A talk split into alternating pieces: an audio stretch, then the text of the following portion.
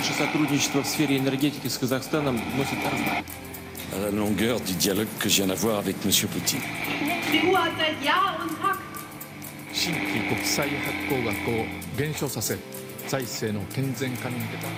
Símbolo del fascismo en Sudamérica. मगर मुझे पाकिस्तान जाना है जमहूरियत की जदोजहद En ny måned er gått, og nye utviklinger har skjedd på utenriksfronten. I USA har Paul Manafort blitt omfelt, og venstresiden i Det demokratiske partiet i USA har kommet med en ambisiøs politisk eh, eh, agenda som heter The Green New Deal. India og Pakistan kniver om Kashmir, og Storbritannia har vært gjennom flere avstemninger om det kommende brexit. I denne månedens aktualitetssending skal vi ta for oss noen av de mest relevante utviklingene i utenrikspolitikken. Med meg i studio er vår kjære programsjef Magnus Nordal Røtnes og medarbeider Snorre Vange. Produsent er Jone Melingsunde, og mitt navn er Jakob Kirkholt. Når vi kommer tilbake, skal vi snakke litt videre om Paul Manafort. Hei, det er Marte fra Jentegarderoben. Du hører på utenriksmagasinet Nyere. Hei og velkommen tilbake til Utenriksmagasinet MIR. Eh, På dagens agenda er Paul Manafort. Vi kan begynne litt. Eh, Hvem er Paul Manafort igjen?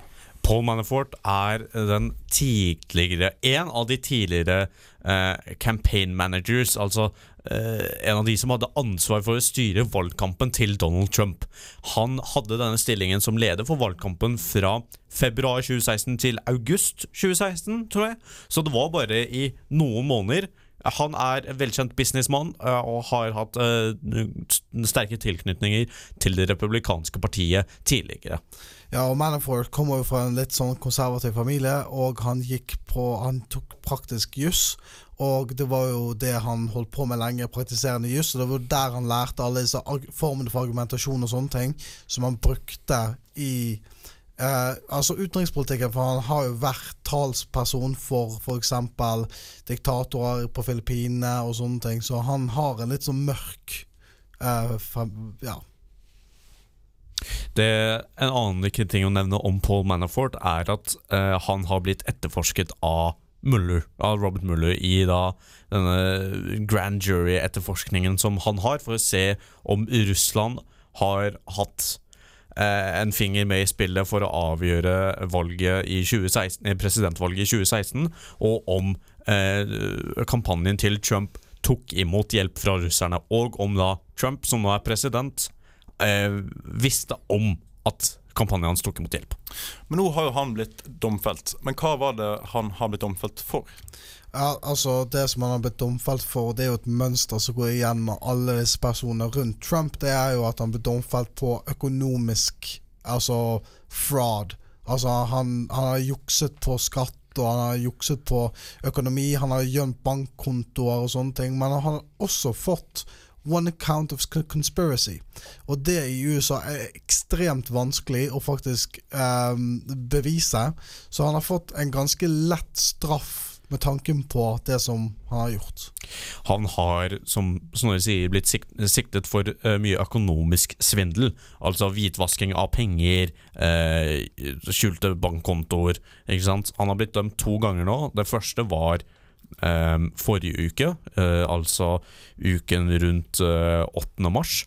At han ble dømt for det økonomiske og fikk da 43 måneders fengsel. Og så har han blitt dømt igjen denne uka uh, for da conspiracy, altså sammensvergelse mot USA. Og det er, som Snorre sier, veldig vanskelig å bevise. uh, og det er tydelig at uh, han har gjort noe galt, men det er vanskelig å bevise hvor mye det, at det han har gjort, har vært direkte ulovlig. Altså Det som han har fått nå, det er 47 måneder, måneders fengsel, eller litt under fire år fengsel. Altså Det det vil si, det er jo at han kan være ute på kanskje to år med god oppførsel. Så det han har fått, er en veldig lett straff. Man, man kan jo tenke seg at grunnen til at han har fått en så lett straff, er fordi at han har røpet ting på Trump, at han faktisk hjalp dem. Men, men så kommer det ut etterpå at han har løyet om ting etter at han hadde sagt han skulle hjelpe FBI og Mueller-investigasjonen. Så det er jo litt sånn Ja, han har fått kommet veldig lett unna.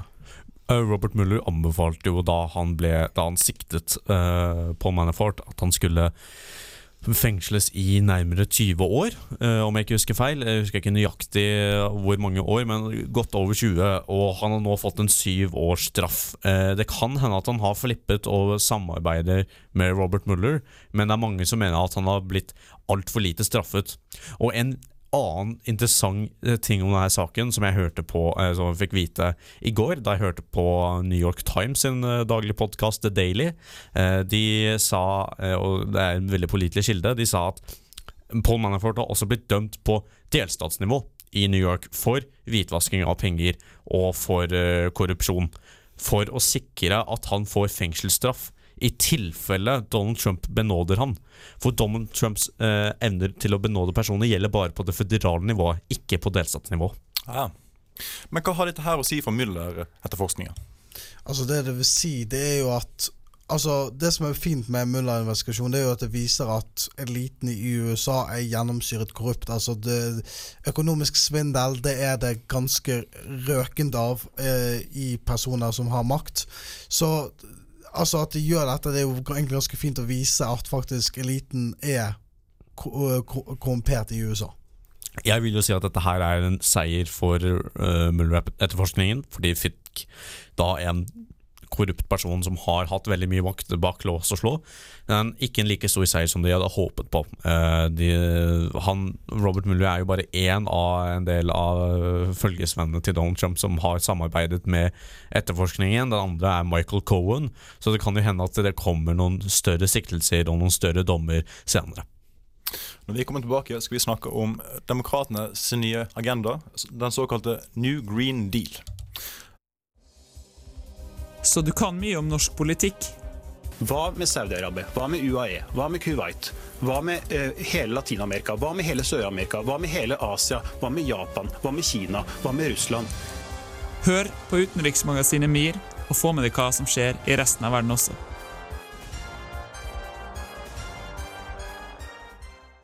Yes, velkommen tilbake til utenriksmagasinet MIR. Eh, nå skal vi snakke om de såkalte Green New Deal, demokratene sin nye ambisiøse politiske agenda.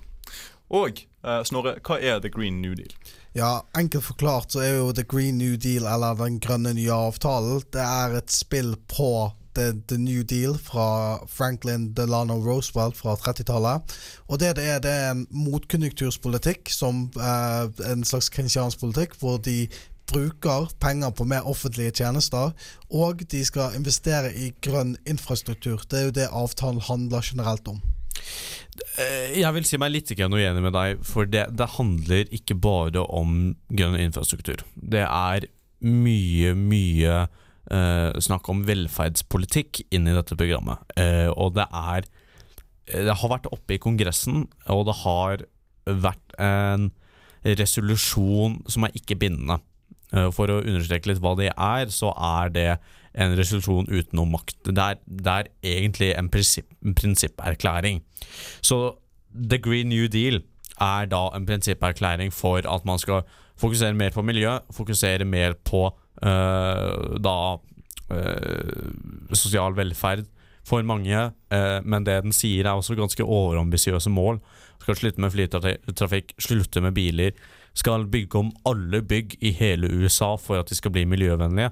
Altså det, det, det, her er noe som har gitt da motstanderen til demokratene, altså republikanerne, veldig mye krutt å bruke. Veldig mye ammunisjon å bruke mot da spesielt Alexandra Ocasio-Cortez, som la fram The Green New Deal. Ja, jeg skal si meg enig med det Magnus sa, og da jeg nevnte offentlig eh, politikk, altså off, altså offentlige tjenester, som mente også velferd.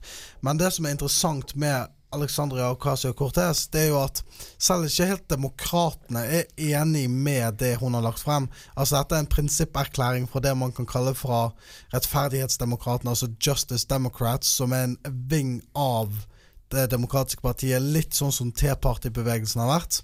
Så det er særdeles ikke hele partiet som er enig med det Ocasio-Cortez har puttet frem. Denne avtalen er ganske ambisiøs. Øh, hvordan har den blitt mottatt av folket? Altså, Har den folkelig støtte, mener dere? Det, er, det, varierer, det varierer mye. Um, det er mange amerikanere som er skeptiske til uh, mye av det som står i prinsipperklæringen, uh, for det, det vil kreve en ugudelig uh, stor mengde med penger. Altså det, det, det, her er snakk om å effektivt nesten doble nasjonalbudsjettet til eh, på det føderale nivået til USA. Og mange er skeptiske til slike store endringer så raskt. Men det vi har sett, eh, eh, bl.a. med en demokratisk senator som jeg da dessverre ikke husker helt navnet på, er at, som kommer fra California, som har er eh, relativt Ikke nødvendigvis gammel, men har sittet veldig lenge i Senatet og har vært lenge politiker. Hun ble møtt av en rekke tenåringer og unge voksne fra helt ned i 11 til 20-årsalderen, eh, som da møtte henne i, i gangene i Kongressen for å snakke med henne om hvorfor hun ikke støttet dette her. For, for dem så var miljøaspektet det viktigste, og det er det som har fått mest oppmerksomhet da, fra demokratene sin side. Og de har også prøvd å gjøre det motstand de har fått fra republikanerne om til en debatt om miljøpolitikk. Dette her er et lovforslag eller en, en prinsipperklæring da, som for meg ville virke ganske usannsynlig at ville komme til USA bare for fem-seks år siden. Kan vi se at det politiske klimaet i USA har forandret seg til å bli mer venstre? Og definitivt, for at du ser jo f.eks. representanter som Ilan Omar og sånne ting, som faktisk er villige til å gå litt på venstresiden og er villige til å kritisere det etablerte. Det har kommet frem, men det er jo pga. den nye organisasjonen til Bernie Sanders, det, altså fra 2016. Han skapte jo organisasjonen eh, Min revolusjon, og så skapte han eh, også organisasjonen Rettferdighetsdemokratene, som er en sånn split-off fra Bernie Sanders, som er en venstrevridd organisasjon som kjemper for at venstrevridde representanter skal komme inn i Kongressen og Representantenes hus. Det er viktig, og dette er noe vi dessverre ikke nevnte noe særlig tidligere, men hvem Alexandria Ocasio-Cortez er. Ja. For hun er 29 år gammel, eh, den yngste representanten i Representantenes hus. Hun kommer fra Brooklyn, tror jeg, eh, eller Bronx i, i, New York, slo ut da i the primary, altså sånn når man skal velge kandidat. Eh, en veldig, veldig En demokrat med veldig lang erfaring. Eh, og som har sittet ganske lenge i Representantenes hus, som var en veldig viktig demokrat i renkespillet for eh, etablissementet i eh, Det demokratiske partiet. Og hun har fått en veldig sånn stor star power. Nesten litt sånn Obama-aktig, bare veldig mye mer venstreside. Hun er den politikeren etter Donald Trump som har flest følgere på Twitter, og hun har fått veldig mye skritt for hvor flink hun er til å bruke sosiale medier til å nå ut til spesielt unge og har blitt sett på som en slags katalysator for å få fram mange av de eh, politiske ståstedene og meningene som unge har i dag. Når vi kommer tilbake, skal vi få høre en kommentar om eh, USA sin eh, atomvåpenavtale med, med eh, Nord-Korea, og hvordan den, de forhandlingene gikk i vasken.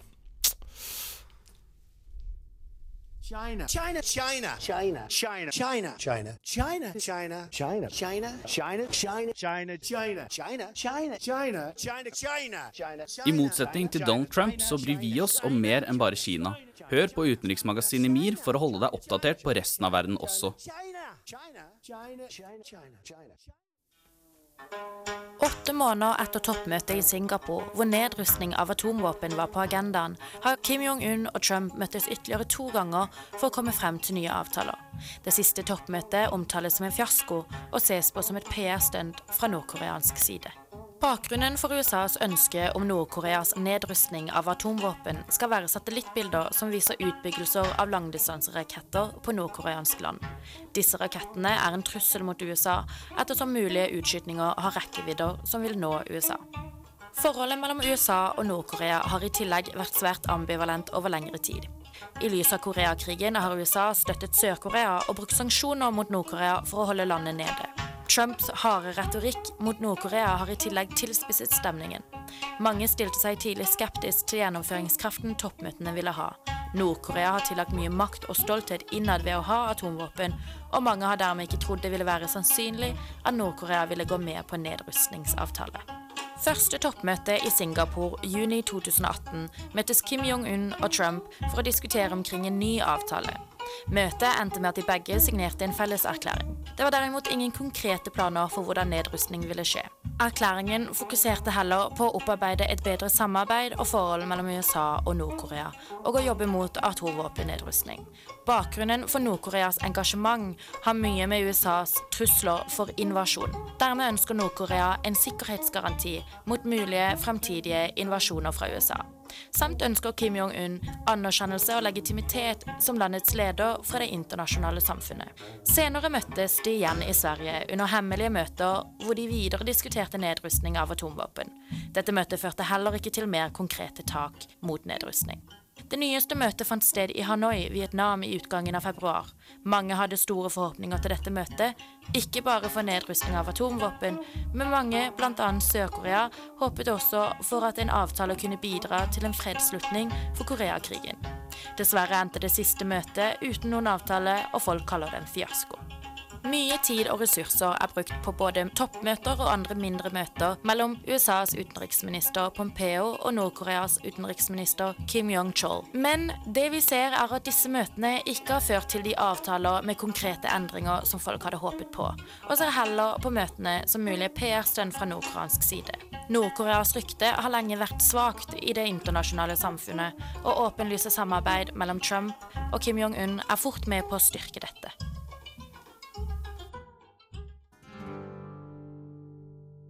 Se me sanciona porque convoco a elecciones generales para que el pueblo vote libremente y elija una institución como la Asamblea Nacional Constituyente.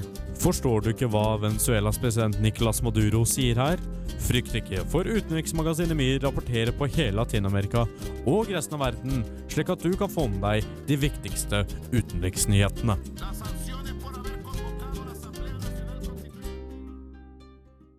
Ja, Velkommen tilbake til Utenriksmagasinet MIR. Jeg sitter her med min kjære programsjef Magnus Nordahl Røtnes og Snorre Vange. Og Du har nettopp fått høre en kommentar om atomvåpensamtalene mellom USA og Vietnam, laget av vår kjære medarbeider Tina Lægreid. Men nå skal vi snakke om India og Pakistan og eskaleringen i Kashmir. Og Magnus, hva handler denne konflikten om? Eh, Det handler om Kashmir-området. Eh, Dette her er Asias lengstværende konfliktfylte område. Eh, lengre enn eh, konflikten mellom Israel og eh, Palestina. Holdt på å si Pakistan der. Men uh, dette her er et fjellområde i uh, da sørvestlige delen av Himalaya, uh, som grenser mellom India og Pakistan. Dette området er veldig viktig, grunnet at de store elvene som Ganges i India og Induselven i Pakistan. Altså Induselven går ved Islamabad, hovedstaden til Pakistan, og Ganges ved New Delhi og Delhi og andre store byer i India. Begge elvene har sine eh, Altså, de, de kommer fra det fjellområdet. Det er også ganske ressursrikt på mineraler, og er, det bor ganske mange mennesker der, så det er et veldig konfliktfylt område. Store religiøse forskjeller også. Og for øyeblikket så er det India som kon kontrollerer mesteparten av fjellområdet. Men uh, denne saken her har jo vært veldig aktuell før. India og Pakistan har knivet om Kashmir i ganske lang tid. Men hvorfor ble det nettopp så alvorlig denne gangen? Altså, det handlet jo om at de, altså Pakistan skjøt ned eh, piloten, til en eh, indisk pilot. Og, eh, men de leverte jo piloten tilbake igjen til India, så det blusset litt opp igjen. Men så døde jo det ganske fort ned igjen. Så man kan, altså Hvis man ser på de lange linjene i dette, så blusser det opp ofte, men så dør det ned igjen etterpå. Så begge disse to partene vil jo ikke ha en full ut krig mot hverandre. De liker å stå og bjeffe på hverandre, men ingenting kommer til å komme ut av denne bjeffingen, i min mening. Det er vanskelig å ta for seg hele Kashmir-konflikten i ett stikk, men men da kan jeg anbefale lytterne å eh, gå tilbake i katalogen vår og høre på Kashmir- Kashmir-sendingen som eh, vi i Utenriksmagasinet lagde for omtrent to år siden. Men eh, en, en ting som blir er en, en essensiell, essensiell del for at konflikten blusser opp, er pga. de religiøse motsetningene. India kontrollerer da eh, hovedstaden i Kashmir-området, hvor det er en majoritet av befolkningen i Kashmir som bor, men også eh, majoriteten av befolkningen som bor der, er muslimer. Så da er en typisk konflikt mellom hindu og eh, hinduister og muslimer eh, i, i det området, og de blir behandlet som annenrangs borgere av den indiske staten. Og da anklager India og Pakistan for å gi våpen og finansiell støtte til militære grupper og terroristorganisasjoner som da prøver å frigjøre Kashmir til at det skal bli en del av Pakistan. Så her er det konflikter som hele tiden blusser opp. Det er ofte personer som blir drept i gatene, folk forsvinner. Men det som var spesielt denne gangen, var som sagt Pakistan kjøpte ned et eh, indisk jagerfly, og hvor man var redd for at dette her kunne eskalere konflikten til andre deler av grensen mellom India og Pakistan. Det som er litt interessant å se på med tanke på disse to, det er jo at eh, eh, Pakistan tidligere har jo støttet terrororganisasjoner ganske tungt med våpen og støtte og finansielle midler og sånne ting. Så det at India sier at de støtter terrorgrupper i Kashmir, det er særdeles ikke usannsynlig, og mest sannsynlig så gjør de det også. Så det, altså denne konflikten har mange perspektiver som man må se det fra. Et, et aspekt til som er viktig å ta, eh, ta inn over seg, er at snart så er det eh, parlamentsvalg og presidentvalg i India. Eh, Om et par måneder så skal da den Indias sterke mann eh, Modi, eh, som da er statsminister per dags dato, stille til valg igjen. Og han har en veldig hindunasjonalistisk agenda og skal være liksom landets sterke mann. Og skal hardt, sånn, slå hardt mot hardt mot Pakistan. Og han ga militæret frie tøyler til å gjøre hva de ville som respons for det Pakistan gjorde. det. Men som vi ser, eskal eh, situasjonen ble deeskalert, som igjen kan være eh, ikke hjelpe Modi like mye da, som det kunne ha vært om det hadde foregått litt lenger. Hvis vi skal spekulere, uh, hvorfor ble denne situasjonen deeskalert? Hvem var det som ga seg i dette standoffet? Jeg tror det var eh, Pakistan og Pakistans militære som uh, var veldig tydelig at ok, vi ønsker ikke en konflikt nå, det er ikke gunstig for oss. Uh, sist gang de hadde en krig, var jo på slutten av 90-tallet. Uh, og i, per dags dato så er det indiske militæret større og mer avansert enn det pakistanske, selv om begge landene har atomvåpen. Og det er også litt skremmende. Men det var en gesture of goodwill, som det heter på engelsk, at uh, Pakistan ga tilbake denne piloten som ble skutt ned, eh, og det var med på å deeskalere konflikten igjen. Når vi kommer tilbake, skal vi snakke videre om brexit-avstemningen og hvordan disse forhandlingene fortoner seg i Storbritannia. Mir var en sovjetisk romstasjon som i utgangspunktet var bygget for å vare tre år. Den varte til sammen 16. Som sin navnebror strekker utenriksmagasinet Mir seg ekstra langt for å gi deg det beste utenriksstoffet. Velkommen tilbake til Utenriksmagasinet MIR. Magnus, det har vært en del brexit-avstemninger i det britiske parlamentet denne uka. Hva er det som har skjedd?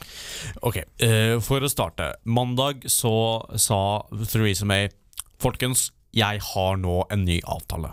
Eh, den er en liten, men for så vidt viktig justering av den tidligere forslaget som Theresa May kom med i januar og februar, da, som da ble nedstemt. Det som var forskjellen nå, er at nå hadde hun en juridisk bindende eh, klausul med da eh, EU, EU som sa at eh, det som skal skje med Nord-Irland, er at det skal ikke være en grense mellom, altså ha en grense mellom Nord-Irland og Irland. Og at det skal etableres teknologi som gjør at det her eh, blir midlertidig, og at man på et tidspunkt vil kunne ha eh, et, eh, et Storbritannia, et helt Storbritannia ute av eh, EU sin toll og, og sånn økonomiske sone, uten at det skal gå utover forholdet mellom Nord-Irland og republikken Irland. For kort fortalt, eh, hva er det som er hovedproblemet innenfor brexit? Hva er det de er mest uenige om? Altså, det handler jo om eh, Altså, det er en splittelse i Theresa May sitt parti uh, som handler om Altså, Theresa May kommer jo tilbake med en slags Norge-avtale, men altså, det er jo det er en splittelse i partiet som sier at de ikke vil ha en avtale. Men de har jo stemt denne uken på om det skal være en, ingen avtale eller ikke, og det stemte de nei til, så nå må de faktisk ha en avtale. Eh, for å gjøre det litt kronologisk, da. Det som har vært hovedproblemet, er at eh, det, beste løsningen er at om det er en backstop, som de kaller det i Nord-Irland, at Nord-Irland er økonomisk sett en del av EU, men fortsatt uavhengig med Storbritannia. Og at man da etablerer en slags tollbarriere innad i Storbritannia mellom da eh, Irland og de resterende tre andre nasjonene, som da utgjør Storbritannia. Eh, og det er jo ganske problematisk, for å etablere økonomiske barrierer innad i sitt eget land er jo virkelig ikke populært. Men det er den eneste måten at man skal kunne opprettholde Good Friday-avtalen på, og sikre at det ikke blir konfl blusser opp konflikter igjen. Men uh, det som da skjedde på tirsdag, da de stemte over denne avtalen, så fikk Theresa May et stort nei. Så avtalen hennes var ikke populær nok. Hun fikk 40 flere stemmer enn det hun gjorde forrige gang, men eh, det ble fortsatt vraket. Så på onsdag så stemte parlamentet om de skulle gå ut uten en avtale. Det fikk også et nei. Så de må ha en avtale eller Parlamentet har nå tatt makten effektivt fra regjeringen og sagt at vi skal ha en avtale. Eh, det er ikke politisk bindende, men det er veldig, veldig veldig Altså, det kommer til å få store konsekvenser om regjeringen ikke følger, øh, følger opp. Eh, så de må ha en avtale med EU før de går ut. Og så i går, torsdag 14. mars, så sa eh, eh, britiske parlamentet ja, vi vil ha en utsettelse av brexit. Så nå er ballen over hos eh, EU-lederne, og det som er eh, litt problematisk, er at alle syv, eh, 27 medlemsstatene i EU må være enige om en utsettelse. Hver eneste en har vetomakt, så alle må være enige om at Storbritannia skal få en utsettelse. Theresa May har snakket om at det skal være én til et par uker lang utsettelse, men alle EU-landene må være enige for at det skal bli en utsettelse. Ja, så det som er det største problemet for Theresa May, det er at eh, DUP, det eller Demokratiske Unionspartiet, som er et parti fra Nord-Irland som samarbeider med Theresa May, som gjør at hun kan holde makten, de er jo mot denne forskjellsbehandlingen av Nord-Irland, så det kommer til å være ekstremt tøft for hun å prøve å presse gjennom en avtale her. Og hvis eh, hun gjør det mot Nord altså DUP sine ønsker, så har de mistet en alliansepartner, og da kan regjeringen også falle effektivt. Men tilbake igjen til EU. Er det sannsynlig at en av de 27 medlemslandene sier nei til en utsettelse? Um, det, jeg, jeg tror ikke det. Uh, for her, jeg, jeg tror alle er enige om at det burde finnes en avtale. Uh, spesielt uh, land som handler mye med Storbritannia, som da er Vest-Europa. Og bl.a. Polen, som har lenge vært ganske alliert med, med Storbritannia i saker i EU-parlamentet. Men greia er at eh, Storbritannia burde effektivt gå ut av EU, eller begynne prosessen med å faktisk gå ut eh, før EU-parlamentsvalget 22. mai, for ellers så må britene velge inn representanter til EU-parlamentet. Og det blir da Det bare kommer til å gjøre ting enda verre og enda mer komplisert. Så her er det innen to måneder nå, effektivt, så må Storbritannia ha en avtale klart og begynne å trekke seg ut av EU, som de da har ett år, halvannet år på å gjøre. Men hva skjer hvis, uh, Storbritannia ikke har en avtale klart? Hva skjer hvis det blir en no deal brexit? Det som skjer da, er at Storbritannia effektivt blir eh, ansett som en utenforstående part av eh, EUs økonomiske sone, som hvilket som helst annet land. Da må alle forhandlinger skje i Verdens handelsorganisasjon, WTO. Eh, og det vil bety at all den importen som Storbritannia har nå, eh, av mat, medisin, eh, kon konsumprodukter, vil stoppe opp, og det vil etableres tollbarrierer. Så det mange frykter, er at mye mat og mange medisiner ikke kommer til å komme om det blir en eh, no deal brexit. Og det kan være veldig katastrofalt for mange i Storbritannia. Når vi kommer tilbake, skal vi høre på månedens spalte. Hva slags statsleder har dretes seg ut denne måneden? I used the wrong words in the wrong way, and for that I apologize. Of course, I apologize if I've said anything that is that has uh, been offensive. I misled people, including even my wife. Hvilke statsledere har dummet seg ut nå? Eh, Stemmer. Hvilke statsledere har dummet seg ut nå, Magnus? Det er en del. Men la oss starte i Israel med Netanyahu. Statsministeren i landet har blitt siktet av sitt eget justisdepartement for korrupsjon. Det er ganske vilt, eh, for det betyr at han eh, og da en del rundt han kan eh, måtte ende opp i retten etter valget i Israel som nå kommer eh, før, sommer, eh, før sommerstid. det, er liksom, det, er litt, det er litt vilt at man blir siktet av sitt eget politi og eget justisdepartement for korrupsjon.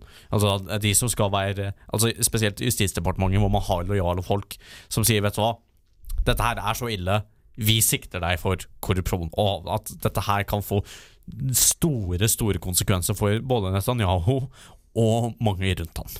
Men det viser jo bare hvor, hvor eh, sterkt demokratiet er i Israel, og at de er vår, vår beste allierte i, eh, i verden. Rettsstaten står sterkt i Israel. Det, ja, det gjør jeg. Ja, takk og lov for at den gjør det, iallfall når det angår israelere. Men det er en, det er en annen sak. Men eh, det, det, er jo valg, og Netanyahu, som har sittet ganske lenge Eh, det er kun én statsminister i Israels tid som stat som har sittet lengre. Eh, han, Netanyahu begynner å miste mye popularitet mot en tidligere general og forsvarssjef som har blitt sett på som et virkelig sånn friskt pust. Da. Og at den, siste, den, den sittende Eh, statsministeren blir siktet for korrupsjon og mot, den store motkandidaten hans i valget er en krigshelt, det, det, det ser ikke bra ut for Netanyahu. Altså. Jeg, jeg, tror personlig han kommer til å få fyken etter valget. Altså At han ikke klarer å klamme seg til makta. Det er jo ikke bare én korrupsjonssak heller han er for. Er ikke det tre forskjellige? Jeg tror det kan, kan fort være det, og det, det, sier litt. Altså, han har fått sånn støtte sånn, fra, fra, store medieselskaper og telekomselskaper, og det er hele sulamitten. Sønnen hans har vitnet mot han. Kona har fått fordeler. Altså, det er helt vilt. Makt korrumperer, det, det kan vi helt ærlig si, og det er veldig, veldig tydelig med Netanyahu nå. Men det er ikke bare uh, Israels eh, statsleder som har dummet seg ut. Vi har uh, en president i over vannet som òg har sagt noe dumt igjen. Hva dette går i, uh, Sondre og Magnus? Eh, Sondre og Magnus, det var noe fint. mitt navn er Snorre, det. Uh, men,